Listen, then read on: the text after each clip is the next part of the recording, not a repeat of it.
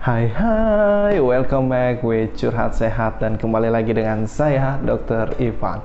Ya, jadi pada kesempatan kali ini saya akan lebih bersemangat ya dalam menjawab beberapa pertanyaan dari sobat sehat. Karena apa? Karena kemarin kita sudah mendapatkan beberapa masukan dari sobat sehat mengenai video yang sudah di upload ya. Jadi beberapa video itu ada yang berkomentar bahwa e, dokter gonta-ganti dong suasananya sama tempatnya. Ya jadi kalau itu sepertinya belum bisa mohon maaf. Karena kita juga di sini masih ngambil gambar di rumah dinas di salah satu rumah sakit. Terus abis itu yang kedua ada juga e, dokter bajunya gonta-ganti dong. Ya jadi sebenarnya saya bukan yang nggak ganti baju ya.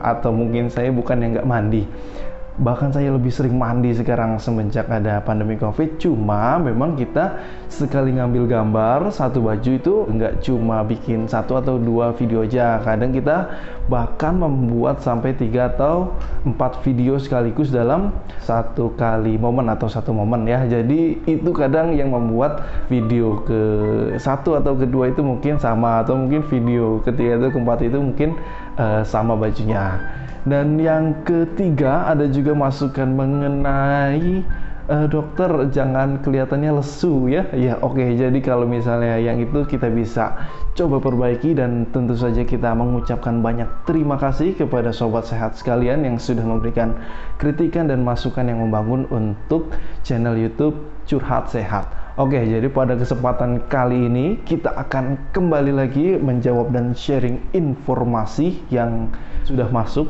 di tim curhat sehat ya. Dari mana saja pertanyaan itu masuk ya, mulai dari yang eh, kolom komentar, habis itu ada juga pertanyaan yang kita dapatkan dari Instagram kita. Terus ada juga yang bisa langsung email. Ya, jadi kalau misalnya mau sedikit dirahasiakan, jadi silahkan dimasukkan atau mungkin dikirimkan pertanyaannya di email yang ada di bio curhat sehat. Oke, kita langsung masuk saja pada pertanyaan yang pertama ya. Jadi ada pertanyaan di kolom komentar mengenai wanita yang dua kali operasi kista apakah bisa hamil lagi? Ya itu kurang lebih pertanyaannya. Jadi kalau pertanyaannya seperti itu, kita harus kembali lagi uh, evaluasi kepada dokternya. Jadi sebenarnya udah dijawab ya di kolom komentar, tapi saya bahas lagi bahwa hal tersebut itu belum bisa dipastikan hanya dari konsultasi melalui video ini. Karena apa? Karena memang ada beberapa jenis kista yang ada di uh, organ reproduksi wanita itu yang bisa menyebabkan gangguan pada kemampuan wanita untuk hamil ya gangguan. Dan itu sifatnya belum pasti.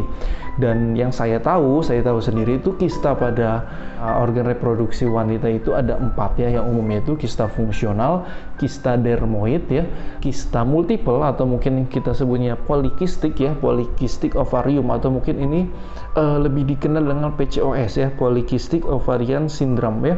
Dan yang keempat adalah kista coklat atau endometriosis. Di mana memang pada empat jenis kista ini dua di antaranya ini bisa menyebabkan atau mengganggu kemampuan wanita untuk hamil yaitu kista PCOS ya sama juga uh, kista coklat endo atau endometriosis. Dan selain daripada jenis kistanya ya yang perlu dikonfirmasi dengan dokter yang dulu mengoperasi itu juga yang perlu dikonfirmasi adalah uh, metode atau mungkin cara melakukan operasinya. Apakah dari operasi yang dilakukan itu hanya mengambil bagian kista atau ada metode lain yang mengharuskan dokter ini mengangkat rahim. Ya, jadi kalau misalnya memang sudah diangkat rahim, maka walaupun bukan kista coklat dan juga bukan PCOS, itu juga bisa mengganggu kemampuan wanita untuk hamil ya. Itu pertanyaan dari yang ada di kolom komentar ya, itu bagaimana kalau misalnya wanita dua kali sudah operasi kista terus habis itu apakah bisa hamil lagi atau tidak ya? Itu silahkan dikonfirmasi lagi dengan dokter yang melakukan operasi. Nah terus habis itu kita ada pertanyaan yang kedua yaitu makan malam apakah bisa bikin gemuk?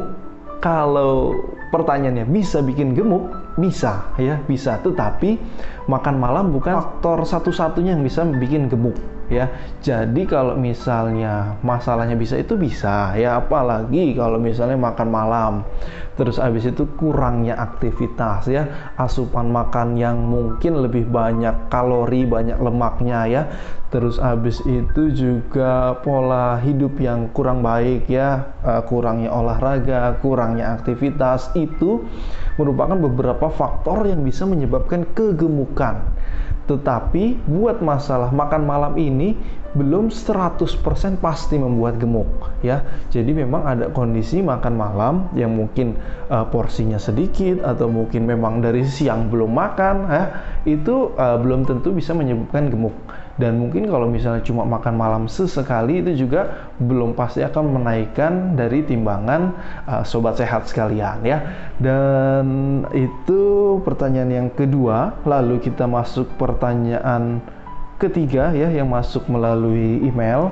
Jadi di mana uh, sobat sehat ini menanyakan obat cacing bisa untuk obat tipes nggak uh, mungkin kita telah lagi ya. Obat cacing di sini mungkin yang kita maksud itu adalah obat ekstrak ya ekstrak dari cacing tanah. Memang ada beberapa yang sudah mencoba mengekstrak dari cacing tanah yang diternakan yang juga mungkin dipastikan kebersihannya dan juga diolah kemudian menjadi ekstrak atau uh, ramuan yang dimasukkan ke dalam pil yang kemudian ditanyakan pada sobat sehat ini apakah bisa menyembuhkan tipes atau mungkin apakah bisa menjadi obat tipes.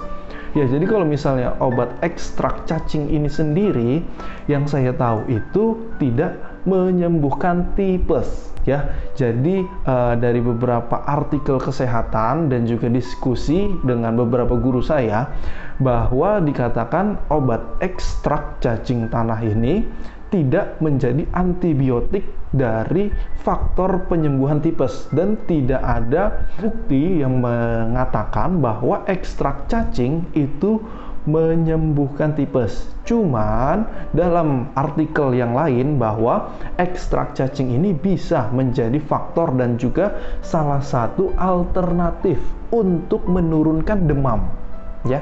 Jadi hal tersebut yang kemudian uh, berkembang di masyarakat akan akan bisa untuk menyembuhkan tipes. Tetapi itu bukan sesuatu yang dilarang ya. Jadi karena memang dari beberapa artikel kesehatan saya mendapatkan bahwa dalam komposisi yang tepat ekstrak cacing ini bisa menurunkan demam secara signifikan. Artinya signifikan ini uh, beneran dibandingkan dengan yang tidak diberikan uh, ada penurunan yang cukup berarti ya. Jadi kalau misalnya untuk mengobati tipes secara keseluruhan itu tidak, tetapi untuk mengurangi gejala tipes, salah satu tipes itu kan gejalanya adalah demam. Dan ekstrak cacing ini pada konsentrasi yang cukup itu bisa menurunkan atau membantu menurunkan demam sehingga tubuh bisa merasa lebih nyaman, makan lebih enak, istirahat bisa lebih e, nyenyak. Jadi hal tersebut yang kemudian mungkin dari dalam tubuh akan terbentuk sistem imun untuk memperbaiki dirinya sendiri ya. Tetapi kalau secara langsung yang saya tahu, obat ekstrak cacing ini tidak menyembuhkan dari penyakit tipes. Dan juga mungkin ada pertanyaan berikutnya sebenarnya yaitu mengenai sulit tidur. Cuma karena ini kan sulit tidur ini pembahasannya cukup banyak. Jadi nanti akan kita buatkan sendiri video mengenai sulit tidur dan mungkin video itu menggunakan baju yang sama ya. Jadi jangan bersuzon uh, dulu kalau saya nggak pernah mandi ya, karena sebenarnya saya ganti baju, saya mandi, cuma mungkin seperti momen kali ini sekali ngambil gambar kita membuat dua atau tiga ya atau mungkin empat atau lima video sekaligus. Karena apa? Karena kita tujuannya untuk menjawab dari beberapa konseling atau mungkin pertanyaan mengenai kesehatan yang berhubungan dengan kehidupan sehari-hari dan apa yang saya jawab ini akan coba saya telaah dulu ya. Jadi kalau misalnya bisa saya jawab akan langsung saya jawab. Kalau misalnya saya belum tahu akan coba saya cari tahu dulu dari beberapa sumber yang mungkin relevan untuk dunia medis. Dan mungkin kalau misalnya belum bisa juga nanti kita simpan. Ya kita cari dulu jawabannya kapan baru nanti kita jawab pertanyaannya. Jadi itu beberapa pertanyaan mengenai kesehatan ya yang masuk ke curhat sehat. Dan kembali lagi saya ingatkan bagi teman-teman atau sobat sehat sekalian yang ingin berkonsultasi dan mungkin uh, bisa konsultasinya kita jawab untuk kemudian berbagi informasi kepada sobat sehat yang lainnya silahkan ditanyakan melalui kolom komentar atau mungkin melalui Instagram kita dan juga mungkin bisa masuk melalui email yang ada di uh, bio curhat sehat dan mungkin itu yang bisa saya jelaskan pada kesempatan kali ini dan saya akan mencoba untuk lebih semangat ya. Dan apabila ada perbedaan atau mungkin pendapat yang berbeda dengan apa yang saya jelaskan tadi silahkan didiskusikan di kolom komentar. Kurang lebihnya saya mohon maaf. Wassalamualaikum warahmatullahi wabarakatuh